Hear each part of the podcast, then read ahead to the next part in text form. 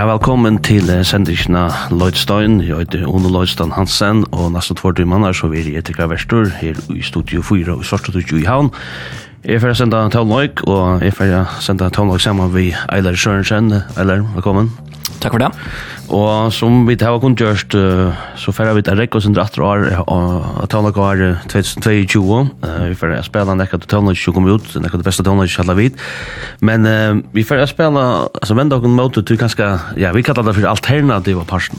Ja, in, indi et la. Ja. Alternativt. Og fyrir folk er ute som ganske ikke, ja, vet hva det er, hva det ligger ut i? Ja, det er så som ikke vi har spilt vanligvis i, i mainstream radio alltid, ja. Mm. Det kallar man for alternativan ja. tonlag. Det kan være elektronisk, det kan være gitarpassera, men ja. Ja. Man det vanligtvis man hör man det inte så ofta. Det nämligen det och det till och som alltid så hör du väl och griva djupt och och det kommer det gå tonlager fram. Ja, helt det det blir gott då. Det det är många skrunder på. Ja. Det det är nästan alltid Ja. Ja, det er også det den tidspunkten i runt att det kom alle simiske listene. Jo. Yes, alla listan som er kommet fram nu. Vi ja. beste platten av Arnon. Mm. Så, ja. Her Här då en en indusplate? Ja, jeg har vi en indisplatta som heter Evora, til en belg, belgisk kompositör som heter Astodan. Mhm. Mm Men det passer ikke ordentlig at jeg vi er på en tid alt sent på platt her. Her er fem sent og alt, det er alt første minutter. Så. Det er sånn atmosfærisk og rumtar heavy metal. Ja. Uh, yeah heavy metal plattan ja.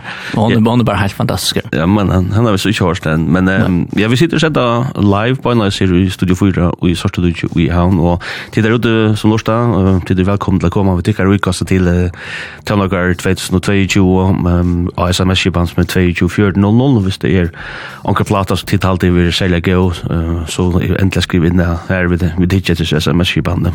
Men jag hade eller vi skulle bara lägga beduta och jag hade vi börja vi ja en att den yndesbalken, kanskje tann, eller hva?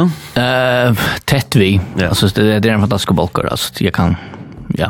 Jeg, siden først før jeg det en sang som heter Monkey Gone to Heaven, og gjør fullstendig selv på balken, balken her.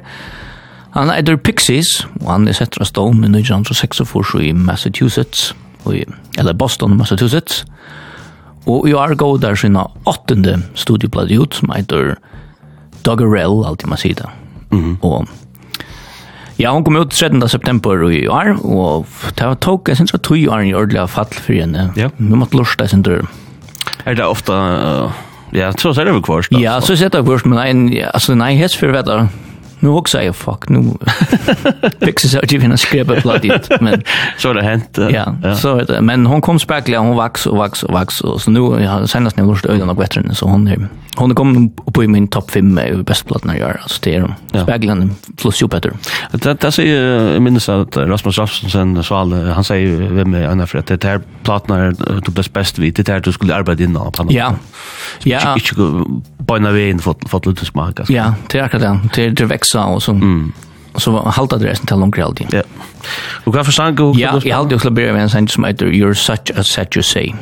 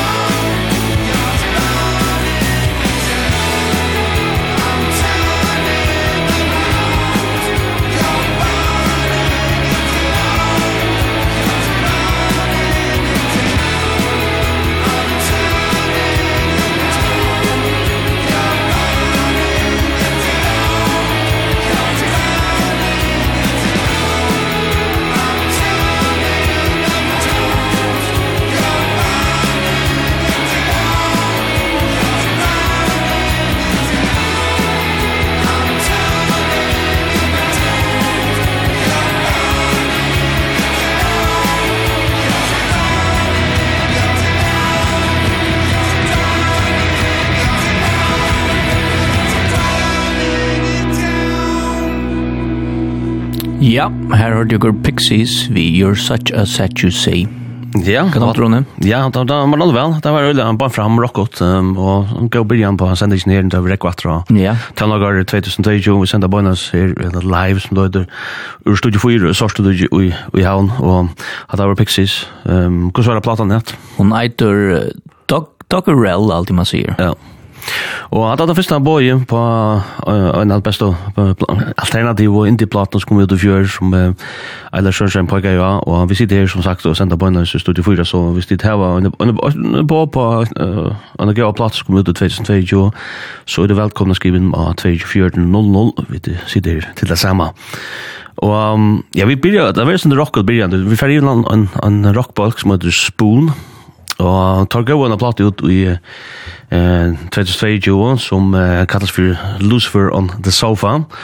Og at jeg tog den platen ikke sånn her amerikanske rockbalsen og Yes. Og Elena Grøst og utgave og balken. Hon er av flere listan som jeg har sett var best plater i, ja. i 22. Ta jeg her. Og alle, ja. Og sånne balken er også Elena Grøst. Jeg røster og en, en, en sånn, jeg vet ikke om man kan si en sånn darling balk. Alt det virker som sånn der. Altså. Ja, alltid sånn, som sier man. En critic, critic darling. Ja. Yeah. Og jeg er nekk vi gav sanger og altså her platten i her, og ja, man kan valde, jeg kan valde fløyre, men, men jeg, jeg får veldig at han som heter um, The Hardest Cut, og um, han er nummer 2 og, og sånn her, og jeg tror en spansk sanger som, som jeg også har spalt jeg rettelig ofte her i sendingen noe i to årene som er brått færre. Og det er det som jeg kom ved, jeg tar ikke snakket om indesplaten som jeg har diska i sendingen ikke lødstående i 2022. Men uh, nekva du som vi får spela til spilt noe, og vi får spela til å øle varierer tjokkene der. Ja. Ja, altså, nå blir jeg det synder rocket, men vi får flytta okkene. Og får flytta okkene synder. ja, øle hvor jeg skal til å si, så det er bare hengt og gjør. Men uh, la meg høre den her, Hardest Scott tja Spoon. Spoon.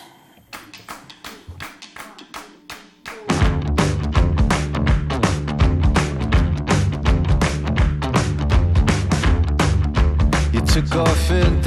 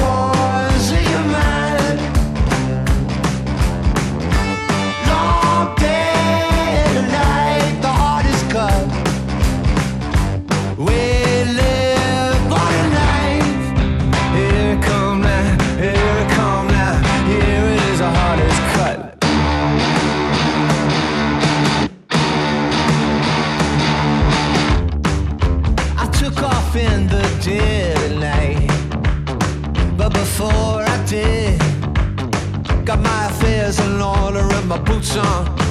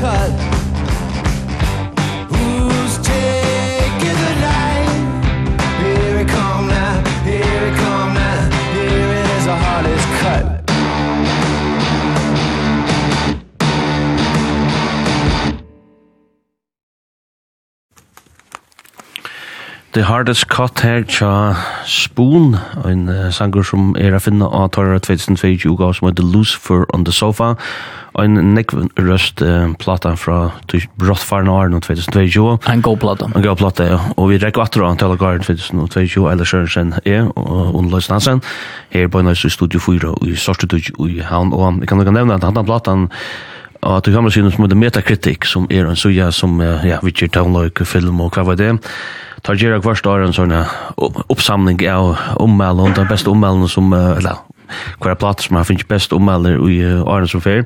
Det er sånn simpel samla ommelder, hvor så ofte er det nummer 8, 2, 3, og hver sånn, og hvor så ofte er det vært topp 20, så får det sti etter 2, og her enda denne her nummer 3, og denne her platan, tja, tja spon. Ja, så det er ikke så galt, og som sagt, så, så sitter vi der, sender bøyner, så vi da finner jo et sms på inn her, og 2400, um, god kveld til Bayer, takk for et godt år, vi nekker vi gøy om Ends From Up There tja Black Country New Road er etter mun tikki absolutt besta plata vi har hver sekund er hotakande har nådde glömma til det tjene kvöld og hon er vi hon er vi ja, og øyla go øyla spesiell ja. men uh, øyla go alltid og en sånn plata som er veri altså atla mulla stand yes hon er anna list Spennende, ja, så vi kommer til kan uh, må säga glädje sig till att det är sanger av vi från här her här. Ehm um, Og er det kvart her har vi til neste skrann her? Ja, kvart er en bolk som heter Beach Bunny. Det er um, en kvinna som heter Lily Trefilio, som stender etter for bolkjen. Han er fra Chicago, Illinois. Og de spiller pop, rock, et eller annet det kallar det för bedroom pop då att hon började som ett projekt i i kameran så det gå går plattor utan den som näck baskar eller näck ja. under där hon fick sin dröm om mer som hon gav en single ut som ett prom queen och han sank hon för blev ett hit av TikTok ja. så här hittar näck alltså visst slash jag TikTok ja så stannar väl det så jag, känner ju nog den bollen ju var all music och hukte etter platna på en, mm. og så datt jeg forbi disse platene, og jeg lurte etter det, og Jeg dømte henne faktisk ordentlig godt. Mm -hmm. Emotional Creature eit tror hun kom ut 22. juli i år. Og jeg har alltid til å høre en ja, semi-ballade jeg var som heter karaoke. We make our way from the boulevard to the bar You serenade to the radio in your high school car And your eyes change with the green So he tried on my blue winter jacket. At the studio the music grows as you play You say Tokyo looks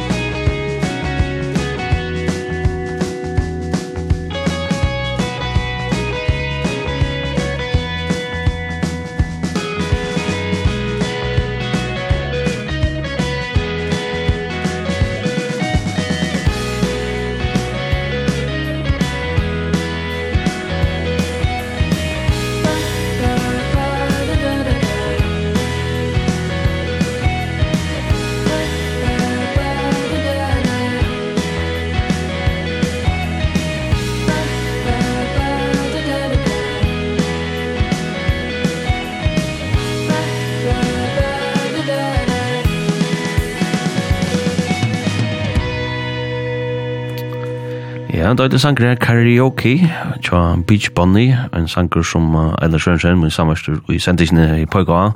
Yes. Og så er det noen av platen etter som... Platen er Emotional Creature. Emotional Creature, tja Beach Bunny, og og en nek, nekk rest utgaven han her.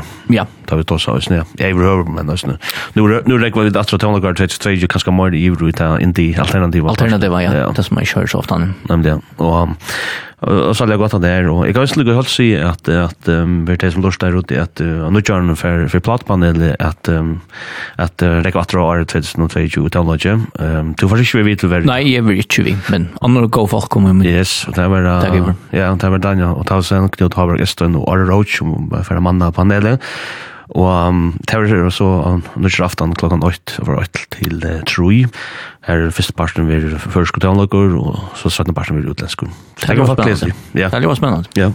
Så han høyre at det var plattpanel, det var høyt av plattpanel, man gjør det. Ja. Det tenker ikke som mener. Han alle svattene.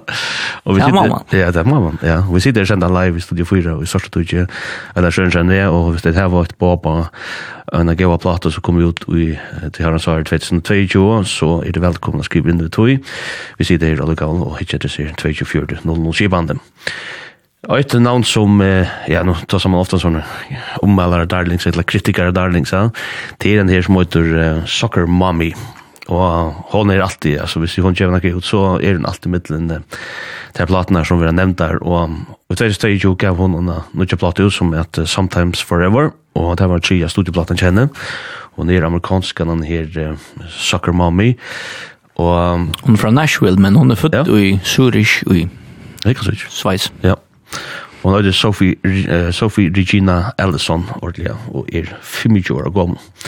Um, og ja, jeg hadde at, uh, jeg har spalt nok snakk, uh, jeg har søkket mamma i, 2000, i Lødstøvn i 2022, så jeg helt var opplagt av hennes var vi.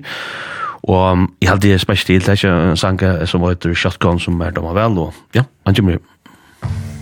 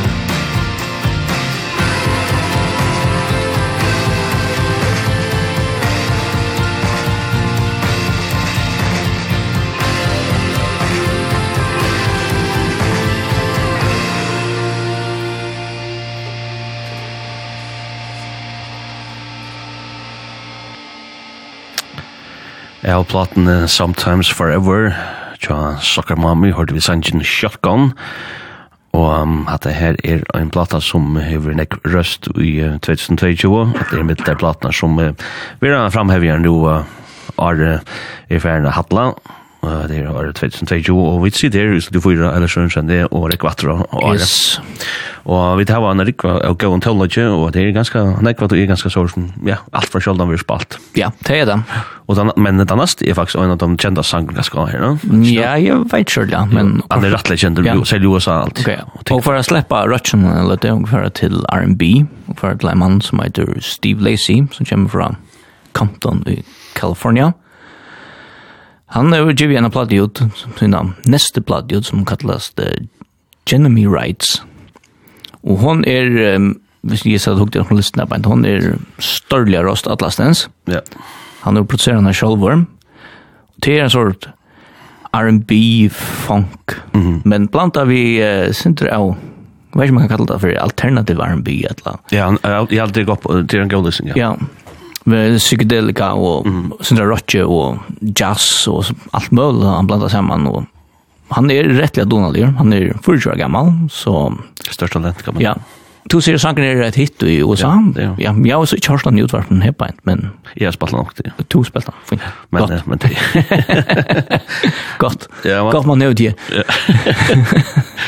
ja, og vad har du? Ja, Bad Habit. Wanna me, I wish I knew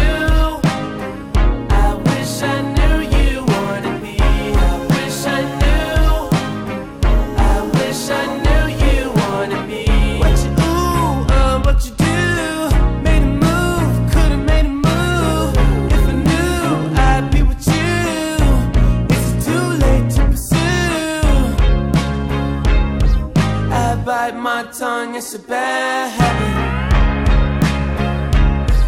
Kinda mad that I didn't take a step at it Thought you were too good for me, my dear. Never gave me time of day, my dear. It's okay, things happen for Reasons that I think are sure. Yeah, I wish I knew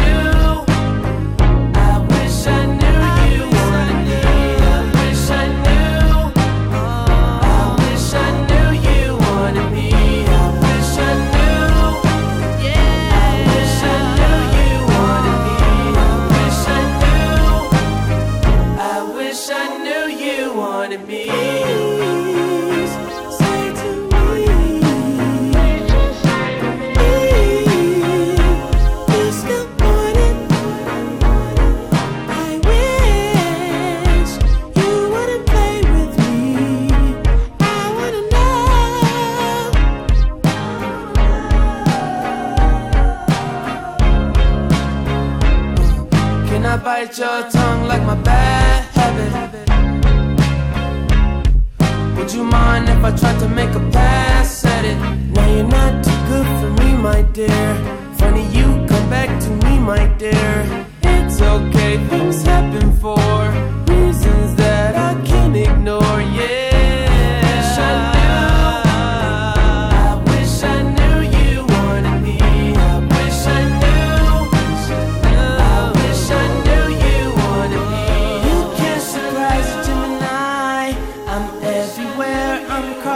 Now that you're back I can decide If I decide if you're invited. You always knew the way to wow me.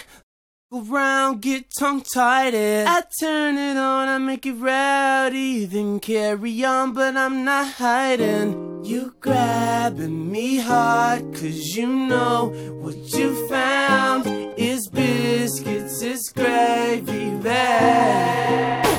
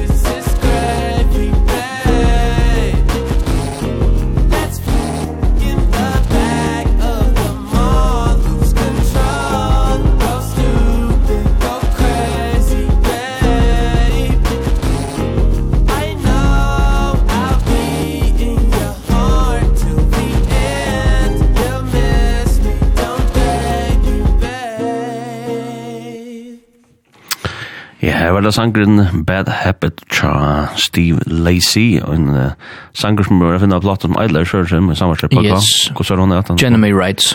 Jenemy Wrights. Kjenta plass av Billboard, så Jim. Og jeg snart sanger ble nummer 1 av Billboard, at han at han var blivit ett hit av TikTok. Jep. Så var det min min min min känsla, min känsla var att yes, han var rätt. Han hit i USA. Ja. Och han är spalt runt fem fyra utvars från fyra och TV Lodgestan kvar därför. Jag kan så. Så men men en en fantastisk sanker och dåliga Ehm ordla går sanker. Eller så ja, som synes jeg alternativt. Stottland blir nummer 1 i USA istället. Ja ja ja. Men det er det, hvis du hvis du i USA nu visst du seg jag av TikTok og sanger blur og så och vi hit det her, så så kan du komme lengt, altså. Ja. Ja. Absolut. Det neste som vi får at uh, spille er, altså vi sitter her i studio 4 eller så sen är och sen på en nice Lloydstein, her vi rekker atra, Tjallnagar 2022, og hvis det er ute her var et båp, en gav plass kom ut i snaren, så er det velkommen å skrive inn av 2400, hvis det er lukka så vi tidsjer på det. Men den neste platan er en som, ja, er den beste hele du, og sangren er den beste mye jeg har hørt i år. Det er en absolutt, altså det er en fantastisk plata som som heter Funland, det er en med som heter Coil Girelli, som er givet ut. Hentan vil ikke finne noen listan av stens. Nei. Eh han var sangare i en bolt som heter Your Vegas och så att när där är han blev en sån sangskrivare han skriver en sån heartbeat charm BTS som är bland nummer rätt runt alla världen. Ja. Att det är så här koreanska K-pop artister eller dem. Och han är ja, han är sangare, gitarrspelare, producere, og han produserer sine egne plater, og han gjør det ut selv, ja. av sin egna plattfelle. Och han, ja, i 2018 han gav en, en platt som heter Love Kills, og i år kom så en som heter Funland, og han er, jeg vet ikke, han er mittelting, mittelen Roy Orbison, og Bon Iver og Mario Siska, alt det. Angstens er. Mario Sverige. ja, han er, ja, angstens er på en fyrtran. Jeg har alltid til høre, det er helt fantastisk leie som heter Flake.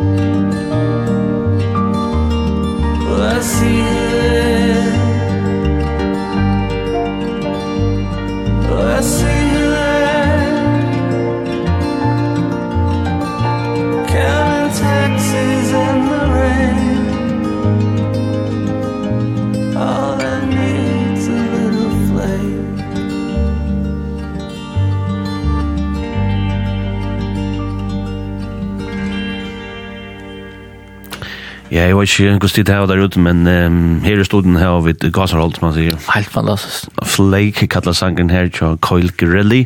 Jeg var en platt i hånden som han ut i 2022, som heter Funland. Funland, ja. Og, um, Topp 2 platt av Jamir alltid. Ja, en fantastisk plata og en fantastisk sangras nær og ja. her lever ganske best som sangskriver altså han er ikke kjent som Nei, han er ikke kjent som uh, sånn eller han er helt kjent ved Bolchen altså, men han ja, han lever som sangskriver og skriver for han så han skriver for Macklemore og ja. alt mulig. Han er en en en stor sangskriver som kjenner skriver opp på det. Men så gjør han så her ut og yes han är ju en gång en plats åt mål. Alltså han gjorde det ut själv. Ja, han har sig pengarna till. De har också så det som var så man skorade hit vi är ner K-pop och vad som. Akkurat. Kallar det BTS eller så. Ja, heartbeat där han. Ja, säkert. Och ja, dålig. Så jag känner här för nu hade också en som jag att man spelar mer i Lodgestone. Det enda minns vi i läsa att han var fan av Manchester City Vi er bare United Fjeffar og sitter halda i høsten distan kører på nu, men det er ferdig. Um, uh, vi skulle spela faktisk en her som, uh, som er mellom øle vel løsne Torres, og pågå annen her, som heter yeah. Charlie Crockett, og mellom å selge vel den her, sånn her, altså, som er Sanchez som du har valgt, som heter I'm Just a Clown. Prøv å fortelle hva det er her en fyrir? Ja, så det er en amerikaner, han er fra San Benito mm. i Texas, og han er, spiller amerikana og blues, heter han ikke til. Han gjør en rikve av... Han gjør öll en nekve ut. Han gör tvärplattor ut, ja. ja. Så han gjør en rikve ut. Henda platan som heter uh, The Man from Waco, allt i. Ja. Her har han funnet hjelp fra en höjtsen chatter, Dan Auerbach, til yes. att skriva sanningar. Og her för han er inte vekk fra sånne country americana og blanda mer R&B og soul og mm -hmm. blasinstrumenter og sånt i tonleisja ser. Platan skriver at han, at han vann død, han er en hjertafeil og måtte ha en løsbergende operation til at wow. ja, til å komme over. Og så gav han disse platene ut, og det er en konseptplata, men jeg vet ikke ordentlig. Nei, han røys nu, jeg vet han er en ekspalter røys nu i akkara kontrasentik her i utvarsmål, så Og, og så er han en spesiell type snir, ja. Ja, ja, det er Men han er utrolig god, han tar Yellowstedes platen, jeg tomt den veldig godt, så. Ja. Og da sangen vi tatt å høre tid, det er som heter I'm Just a Clown, og han kommer uh, her.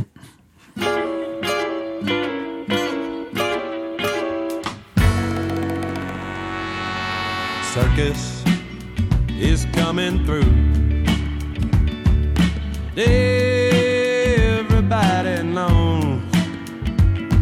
that when you purchase a ticket you expect to get a show.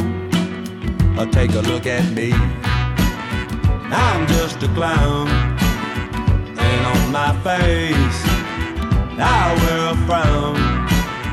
I paid the cost to hang around. So take a look at me. I'm just a clown.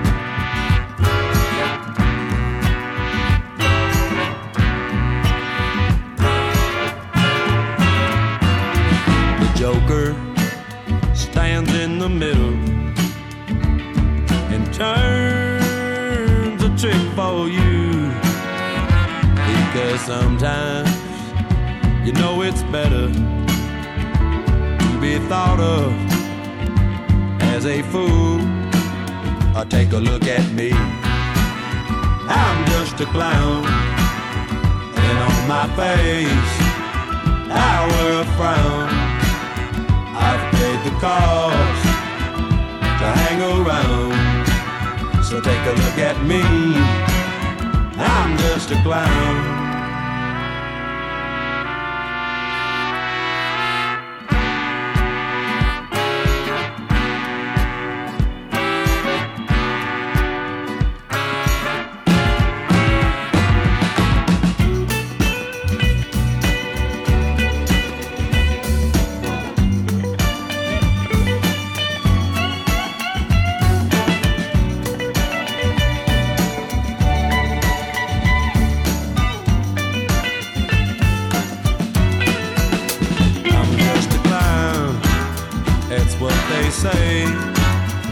guess my clothes. Give me away all of my friends have disappeared.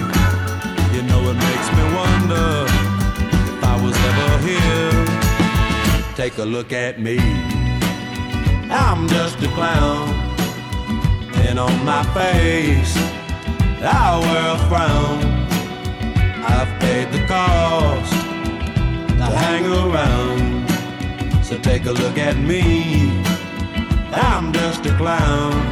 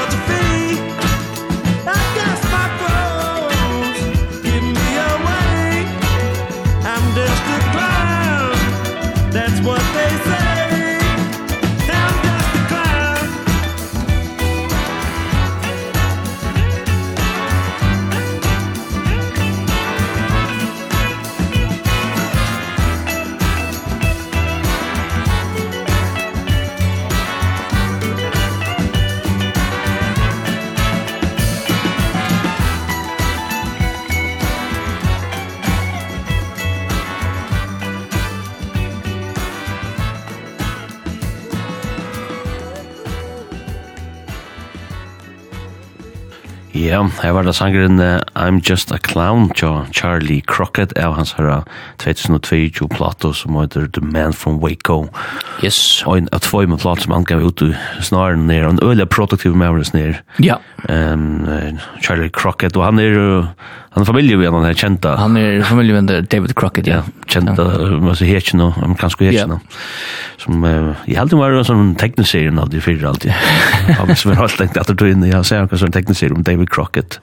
Ja. Og um, ja, til lorsetter, etter tid lorsetter Lloydstein, og vi sitter her i Studio 4 og i Sørst Studio Havn, Eila Sørensen, um, vi samverster Roe, og rekker vatter og tøyne kvar 2022, og de var inn til alternativa parten av tonlok av hattelen, og um, jeg halte vi til å ha en fantastisk sending kvarende her, og Og vi tar var nekk godt av skrånne til det kunne Øystein den neste døymene um, vi sitter her.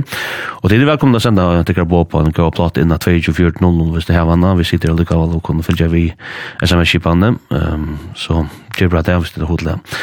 Ehm um, if I know spell on såna sind indes platte Charles Lloydstone i 2022 og det er ein platte som heiter Reset og det er at uh, samstar og mittlen eh tvær som kallast for um, Panda Bear og Sonic Boom og um, snir Panda Bear. Til ein som heiter Noah Lennox og hin heiter Peter Kemper.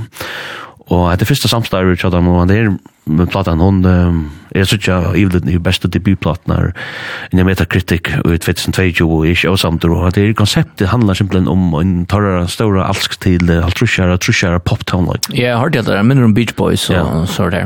Da samtla simpelthen, det var samtla en rikve av leo fra sangon og så nekka fra halvtrusjere og bruka det, og det gjør en halvt selja stemning alltid, og det er Eller jag vet inte om man kan se hon men det är läcker platta alltid. Alltså och jag har inte spalt jag spaltat något fitt och jag vet inte om du jag tror kände hon det. Nej, jag bara tas du spelat i dina skänding och det som kom in och sånt här. Ja. Det faktiskt jag har inte checkat så plattan där. Nej, jag jag ställer med mannen och jag förspelar en sån grej som är runt om väl spalt till dans med Edge of the Edge och ja, hon kommer här.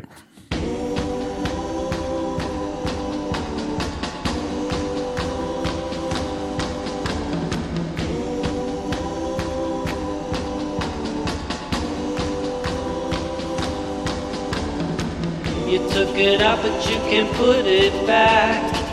You took it out but you can put it back in. You took a swig and then you take a crack.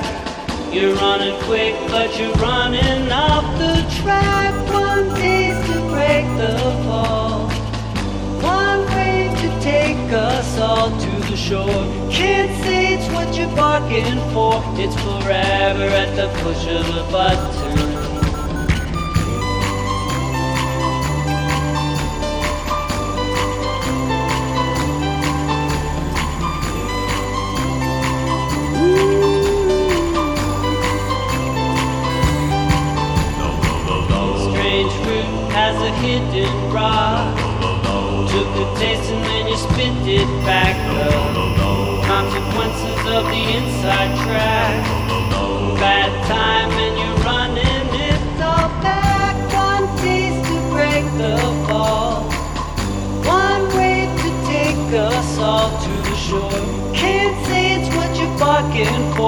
forever at the push of a button Up to the edge of the edge of the edge of the edge of the edge of the edge of the edge of the edge To the edge of the edge of the edge of the edge of the edge of the edge of the edge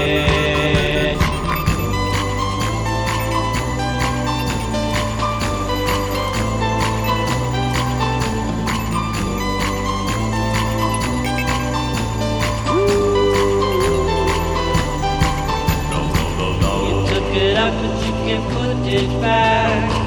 You took it out but you can't put it back in. You feel it stinging and you wanna scratch. You found the box and you're looking for the match. One piece to break the fall. One way to take us all to the shore. Can't say it's what you're fucking for. It's forever at the push of a button.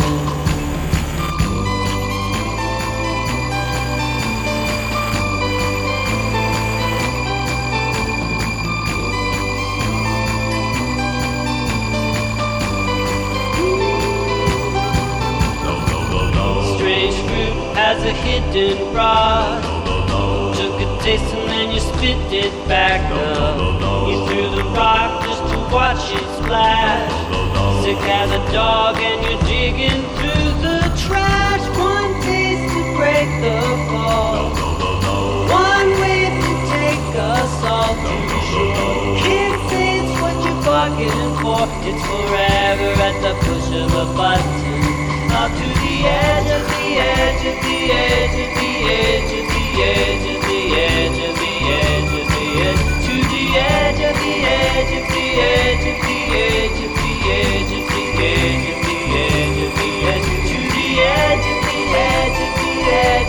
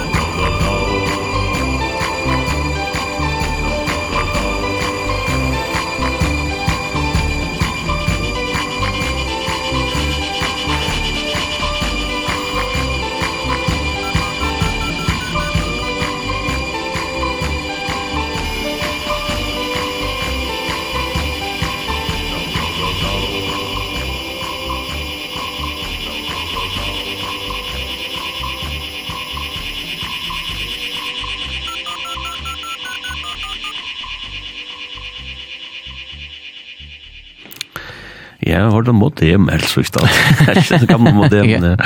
Alla var sangren Edge of the Edge, tja Panda Bear og Sonic Youth, en um, sanger som jeg finner av platene Reset, tja Tøymons kom ut i 2022, og, og er han ekve røstplata, som er, er han kærlags kvåa til trusk, truskjøra, like. Ja.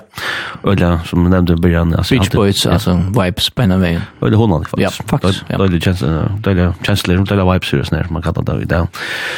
Og ja, vi sitter, jeg heter Sjørsjøt, og jeg, og i studio 4, Det nästa eller vi färra nu blir det sån tänkre men nu färra i vår trusar hoppet till.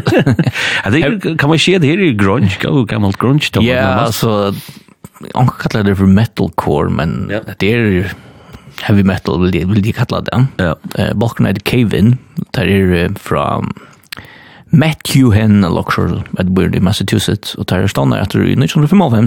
Att det är helt fatt här att från. Yes. Så det är inte tillvilt att jag som grunge. Nej, det är från från 95 någon och där har GB shape plattor ut. Där är sen ett relapse records. Och i juli kom där ut vid där kände plattor som heter Heavy Pendulum. Och ja, jag har alltid släppt bara köra titel live från.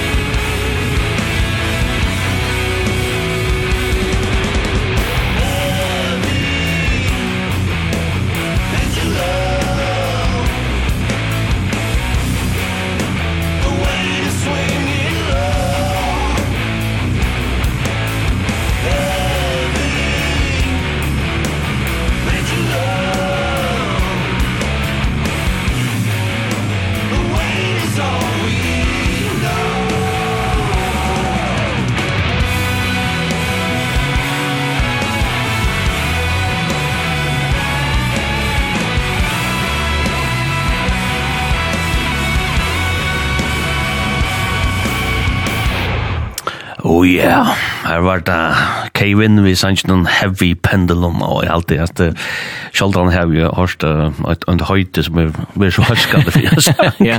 Helt, helt fantastisk. At det er en utrolig god plata, og at det er, ja, topp 5 plattor som är ja. Och har det slagit ner. Ja, alla har slagit plattorna. Tunkor tunkor är grunge rock och ja, kan kalla man det är förskälligt. Kan kalla det stoner rock Ja. och men ja. Ja, min rösten är som vi snackar sånt om Mastodon till Mastodon till yes.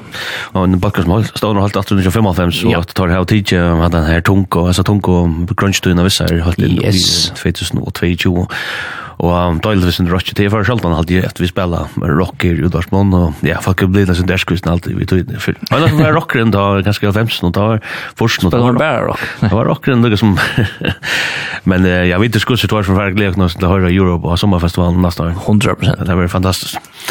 Og ja, kvar er vi kommet til nå? Nu kom til en mann som vi kursar det. Han kör den här plattan gjort mer.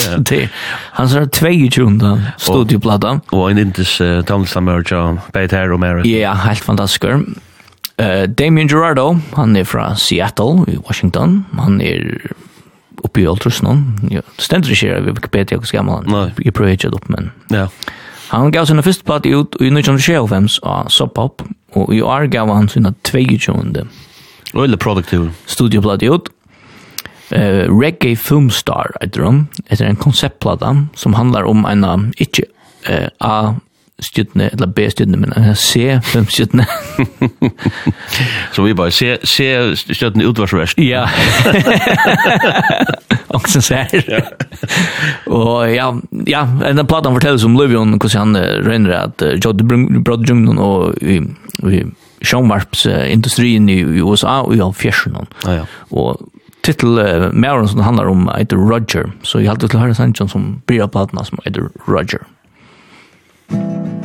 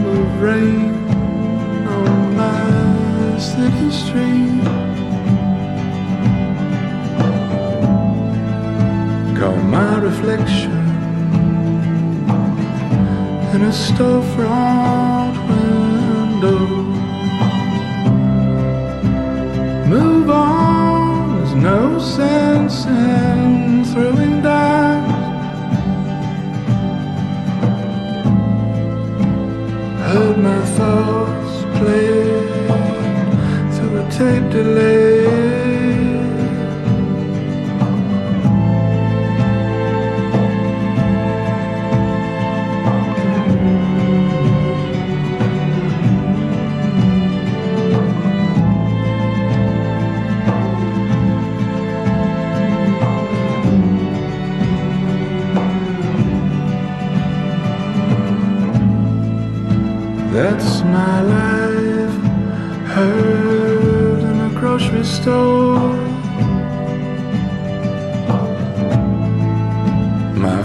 divorce sung by a choir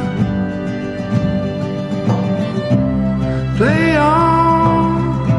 There's no such thing as better days.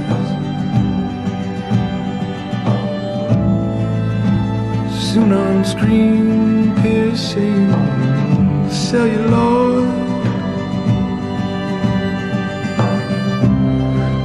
on why wait for them to change?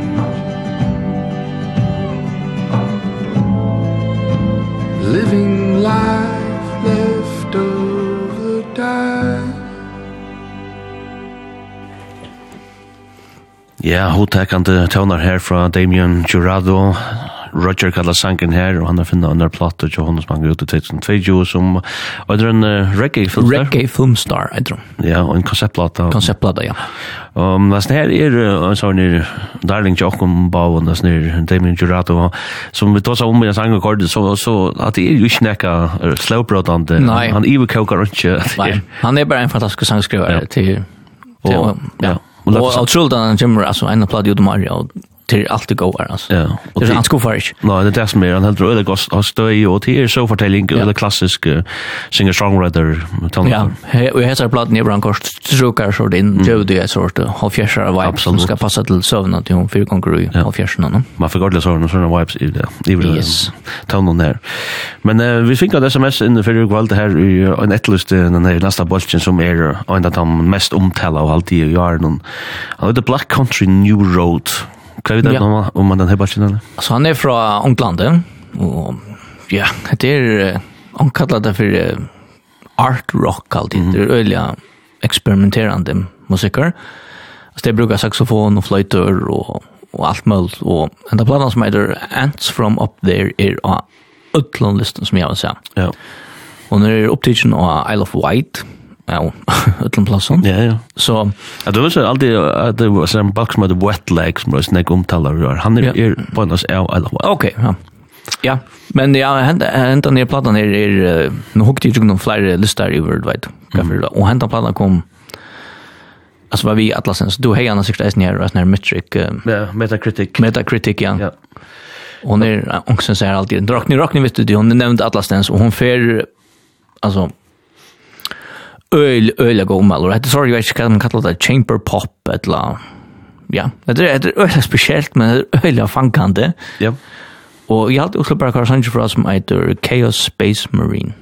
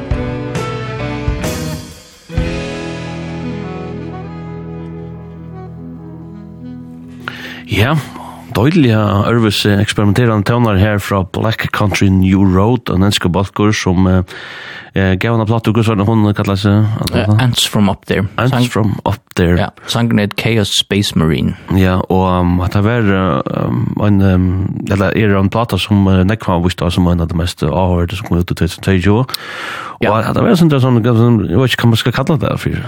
Ja, det går så art art rock. Art rock ja, han kallar det för chamber pop till det brukar strukar och och blasinstrumenter och ja, en sort.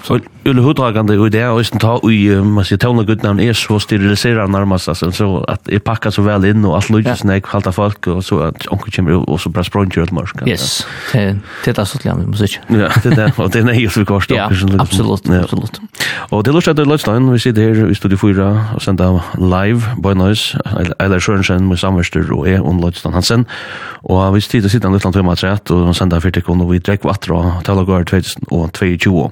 Och i Lodgestad Stein, hvis jeg skal rekvattner og Are 2022 Downloads, så kom ikke utan om Big Thief. Og tar det fantastiske plater som heter Dragon, You Warm Mountain, I Believe in You, som, um, ja, Øsne er da, så å si, ødelisten i beste plater i 2022. Og i sinne saman, saman coachingene av um, ommelden, uh, tja, Metacritic her, enda noen av 15. plasset.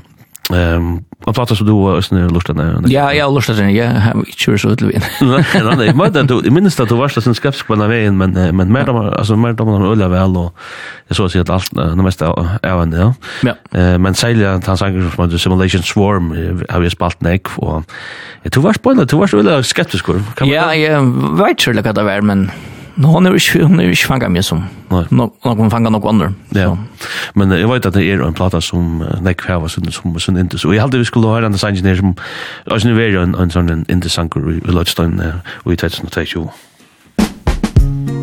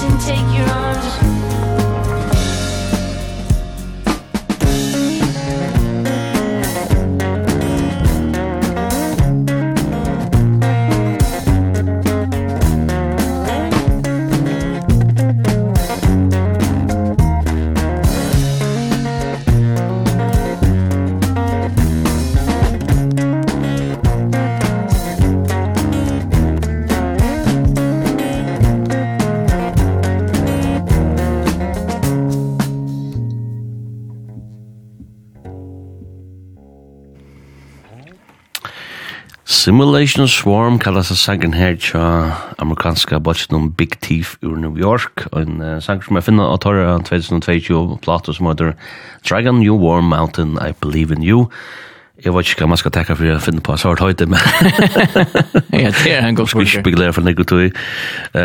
Lørstad der, Lødstein sender han på en serie Studio 4 i Sørste Tui i Havn, Eiler Sørensen med Samversterie. Og vi spelar til som er kommet ut i 2022, og det er Da er det vetra vetrakvalde, pent, nå. Øyla godt vi er ute. Og man har alt ruske som er nå. Ja. Og jeg har, og jeg spyrir deg nøysene. Eller, ja, hver er vi kommet til, at det er, som du nevnte, har nevnt flere finnes, så er det sinde mer alternativ interparster enn tålag. Yes. Vi tombo. Og vi kommer til en som heter Natalie Laura Merring, men hun spiller rundt navnet Waste Blood. Ja. Hon er jo sånn opprunna i noise rock sen i USA hon spilt bass i en bolter som heter Jackie O, motherfucker, og keyboard i en bolter som heter Satan Nice. Så for. Ja. Men uh, en av soloplater er meira throwback til og fjersene til Harry Nil Nilsson eller Oxford her. Mm -hmm. Mary Chamber Pop eller Soft Rock eller så ser Ja, olja olja är väl omtagnet lomma ja. den här. Och Knut har gästen han anfaller mm. till min en av plattor som heter Titanic Rising och det var en öliga god platta från 2019 mm. bara någon listen i 2019 Og nu kom så en, en platta som heter And in the Darkness Hearts Aglow, mm -hmm. som er eisne kommende øyne noen lister i vår beste, beste platter for 22. Jeg hukte her, hun er en, sånn, 1, 2, 3, 4, hun er en 5, 6 listen alltid, end of the year list, så hun ligger i uh, topp 20, nesten utlån, mm. så. Så hon, ja, hon finner ikke øyne gå om henne, og jeg har alltid lyst til å høre Sancho som heter Twin Flame.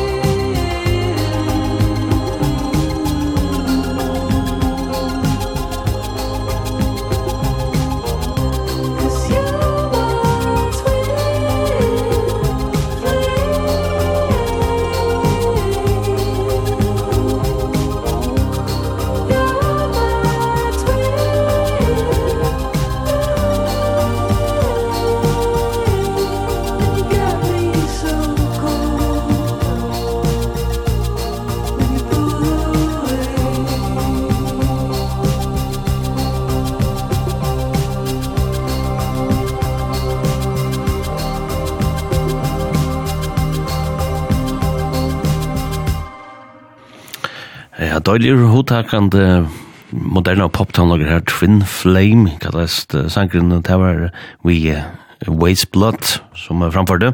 Yes. Og um, jeg kan si denne platan som hun gav ut at... And in the darkness, hearts aglow. Ja, og en Øren uh, Røst plata som kom ut i 2022. Nå er rekva at det her brottfaren og are her i Lloydstein. Og kvalt, dette dølja, vetra kvalt. Og um, ja, Det tredje jóladagur, eller sé det. Ja. danser som på. Er det det? så vidt er det. det. Uh, og ja, det var en, en, en høydagur inntil alt i 16 Rolf Gjersel at de leser meg fram til. Ja. Og da ble han avtidsen som høydagur. Um, så, men vi tar vel liksom ender innsettan som høydagur. som høydagur, ja. Det blir lurt etter løystein. Og jeg pleier å ringe stemmemenn der. jeg vet ikke. Er Anna Jellekvald, er det stadigvæk et største kvalitet för bojen sådant. Nej, nu nu spurt ska en person. vi det vi börjar halka halka om upphötta. Yes. Men eh, vi skulle spela när kan ta något här och det var 14 minuter jag gör gott vi och um, den nästa tid är en dam damosten som uh, som kommer fram och när kom listan och nu är Kate LeBon. Och um, jag kan varstå om vi ser eller så Kate LeBon. Ja, jeg halte jo ikke halte kun en nøklund til samme støyde som, um, som Waste Blood. Hon er fra Wales, og Kate LeBon onkur sagt at det beste vi platna ja Keitelbond man vet ongar det kan man fyr man vet ongar det kan ger om chim vi en folkplatte eller en synthplatte eller du vet til man var alltid överraskad om chim vi en platte men ja hon gav så en platte ut i år som heter Pompeii. Hon kom ut långt i februar ja. det var till i år och hon är ett vet ja en 12 listan i mm. best album så hon har funnit nok bros. Og her brukar han nemlig en synthesizer til å sette en sånn stemning. Og hentan bladan tidsen opp med en covid her jeg i Wales. Så. Det är roligt just att hvis man experimenterar sån där att man kan vara kan man fär. Det det det det som fjäppar som mycket damer det. Nei, det er noe som ikke damat det. Ja. Så. Men men gör när det ganska känner det ganska blir en sån fortsätt Ja, det är alltså när Jeff Tweedy och Wilco han är story paper och han säger det att han han blir spänt och kryper runt och han pratar ju till man vet inte komma för. Så. Ja. Ja, och Lars Sanchez Harper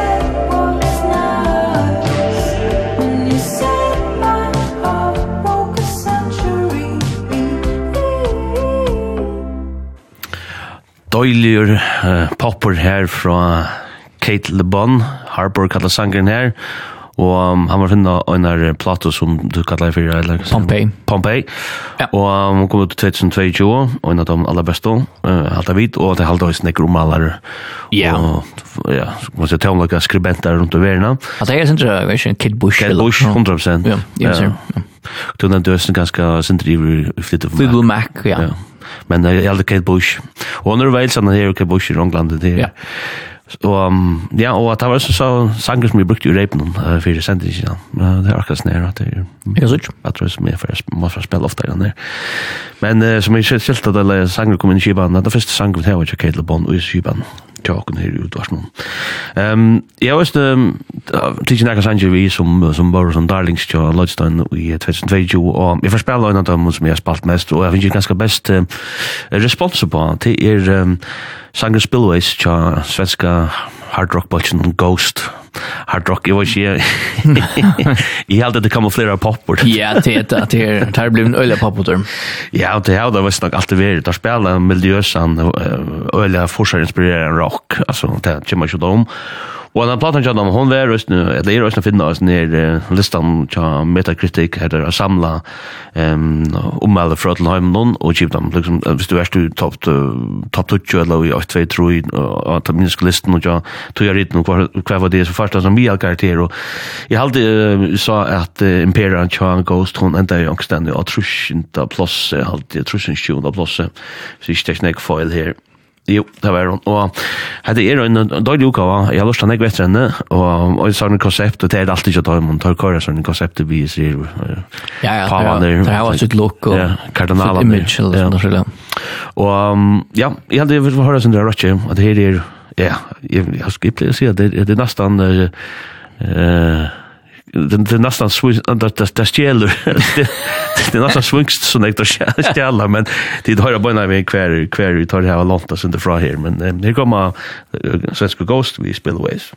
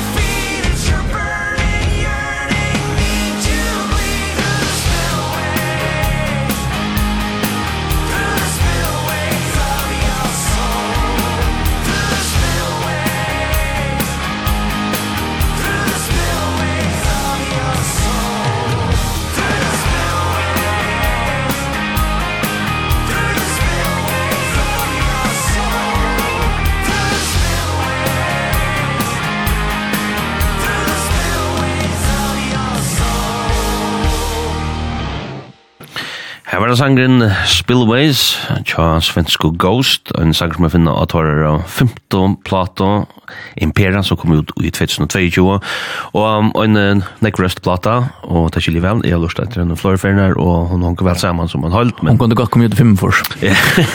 det er så helt sikkert, at det ikke nekka som, ja, han er veldig, veldig pregat i at han nok tar lena nekk fra forskjæra miljøs og rottje, og Ja, og jeg prøver en, en super balkers nere, og det er den som jeg sier, altså, jeg har alltid at det er den sanger som jeg fikk mest respons på i 2020, da jeg spalte den i sending. Ja, den går sanger. Går sanger, ja. Og um, ja, vi uh, rekker etter å ære 2020, og vi kommer til en som heter Mika P. Hinson. Mika, ja, Mika Paul Hinson. Ja. Han er føtter fyra der at nemlig, 3. februar i Enfors. Han er fra Memphis, Tennessee. Han har livet et hardt liv, Og da hører man eisen i som da synker han lever nok eldre enn til 41 årene han er. Hette er amerikana, country, eh, tonlager. Han er givet 12 studioplader ut, og den 12 kom ut i år, og hun eitir I Lie to You. Mm -hmm. Og jeg har alltid å høre sanger sang som eitir People.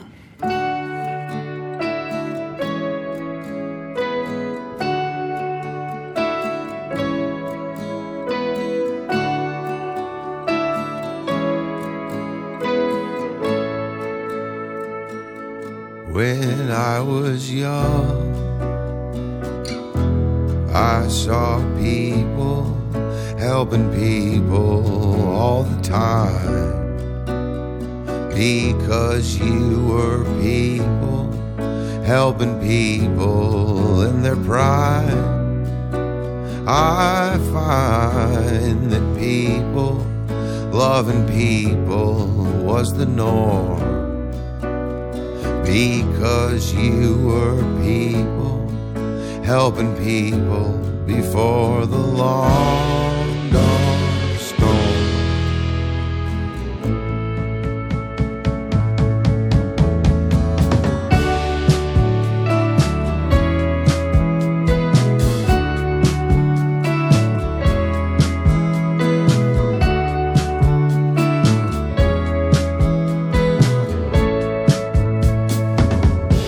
as I grew up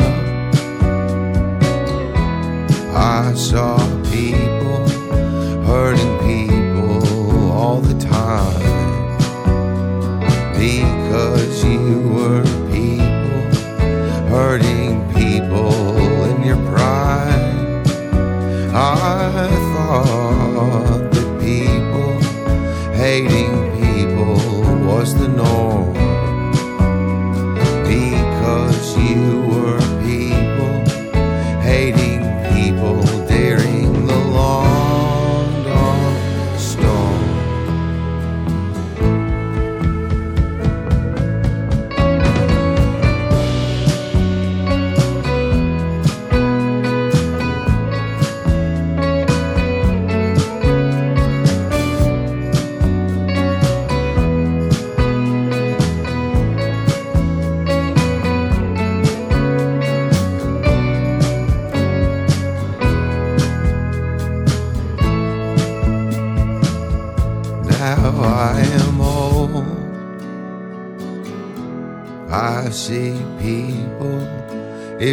boring people all the time.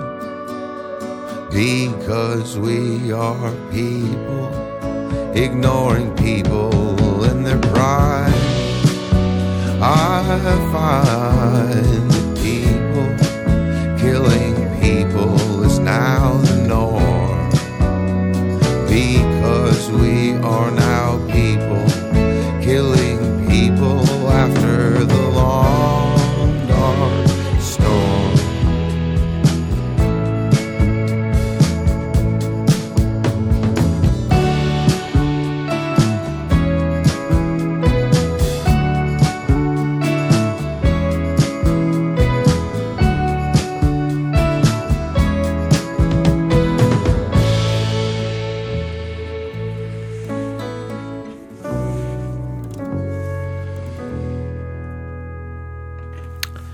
døylige sanger her, People, tja, Mika P. Hinson, og her får jeg en rett som heter David Bazan, den drar her, vet Ja, jeg vet ikke hvor det er. Men, og En fyrir sanger sånn her. Yes, og platten er I Lie to You, ja. som kom ut i år.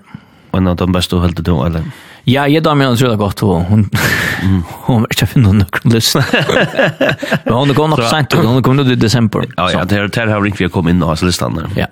Så men att det är simpelt en en en indisk platta jag där. Ja. Och det är just det som det sitter till. Yes. Ehm men du du nämnde det här, det vill du gärna spela det som nästa som kommer som heter Sharp Teeth och sen grind som en box som heter Black Audio. Ja, heter en sanker som hur vuxit sig kan man säga att från det första vi hörde an till att nu sitter han faktiskt fastar och jag han alltid det här är en simpelt så fantastisk sanker. Mhm. Heter en heter ett syjeprojekt tror tvei må fyrir rundt, Davy Haywalk og Jade Putchett, der spiller vi en, uh, ja, jeg vet ikke om man kallar det New Wave eller punkbølge som heter AFI, og så har der etter Sui-projektet som heter Black Audio, mm. og hette er mindre om Depeche Mode, eller og sånt her, det er sånn throwback til, til forskjellen, sint pop i forskjellen. Rettelig inn at det er gjerra, at hva skal, at, ja, ja, og, og, og, og, og, og, og, og, og, og, og, og, og, Og det her gjør vi etter det her femte bladet. Hun er der Tropp Diamor, og jeg har alltid også lagt hver Sharp Teeth fra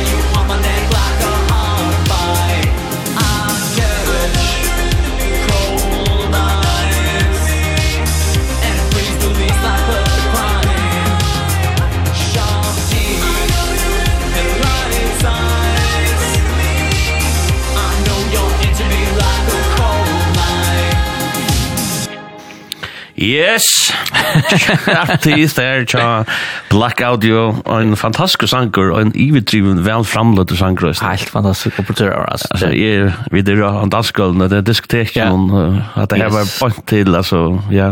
Jeg sender i Patch Up Boys, Depeche Mode, um, Duran Duran, Duran Duran, Oj, lag väl väl Johan man säger. Han där Jakob Magnusson sig spelat som 25 år så sen kom ut då. Sen lustar så så man tar fram att prata bara när sänder så jag sända lägga kvar där sen sänder jag skulle lösa. Ehm läcker så går sätta den plattan. Eh hon either drop the amor. Ja. Så jag måste checka mer ut där snär plattan ju. Ja, på plattan. Og en av en av någon at att åtta tur haft vi vi skottne eller som vi alltid har spela som er bara et sort närmast ett namn för og 22 2010 det heter Horse Girl. Horse Girl ja, att det är debutplattan som dem som kom ut i arm version versions of a modern performance. Det er faktisk Trutjar Gentor, Nora Chang, Penelope Lovestein og Richie Gigi Reese. Ja. Som spelar vi i Spolchen og hette er post-punk vil jeg kalla det. Eller, mm. Kanskje sin driver det grunge kanskje. Men ja, detta er, ja, det er larmande rockmusik som, som er ordentliga gåor. Og hända platan, det finns ju Knock Rose for at nu det att de kom ut och blir kallade för en av den bästa debuten som är kommit ut i 2022.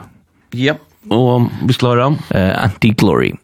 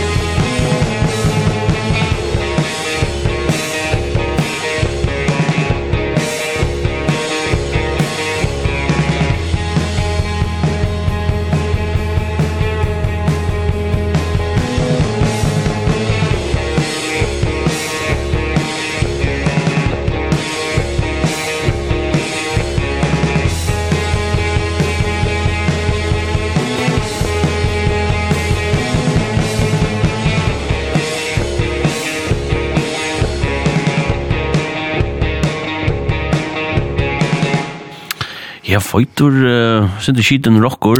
Yes. Sinter Stoner Rocker fra Bachelon Horse Girl. Og han sanger kallas for Anti-Glory, og han har finnet en plate som et eller. Uh, versions of a Modern Performance. Som er en nekrøst plata. Og jeg vet ikke om man ser uh, teknikerne til rockeren ganske, jeg ikke fødda fyrir atter, eller fødda seg atter. Uh, ja, vel, ja. Altså, det er ikke nekker rocker som kommer nekk fram, men man hører nok så. Nei, men man har øyla uh, noen sånn inspirerer av 15 og där en annan som är via listan här som kanske inte spelar som heter Flashwater över Icen i sort. Ja. Halv fem så dropback jo vi sin gitarr rich. Akkurat det. Vi är en kvinnlig sångare. Ja, nämligen. Och vi det här var eh stora tusen motorer efter och eller vi skulle liksom få det bästa på sjön. skulle Ja, men skulle jag till uh, Guitar Russian ja. för till Kanada. Jag hade sjukt över i Kanada. Men uh, always är en backe från Kanada. Tar av givet. Tror jag Den trea, Blue Rev, kom ut i år, og heter en av dem mest røste platen fra 2022. Hun kom ut i uh, oktober, i år, kjente oktober, og til dem kan man si at Pitchfork er nummer 3, Paste er nummer 3, stereokammeran som nummer 1, exclaimeran som nummer 1, så att det här är alltså, du vet. Vad kan säga det så om man så platta, men jag vet att onkel harddisk blev stolen, jag då. Jo, blev väck. Jo, harddisk blev veck och så måste jag allt annat John och tog det morgon men upp live eller sånt. Det blev ju sånt råar.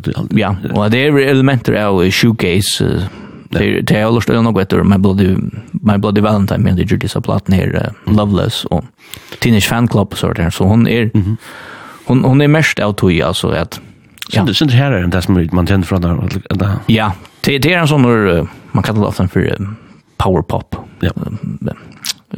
Jo, eller så säger det är också popot men det rockar alla väl. Ja. Men ja, after the earthquake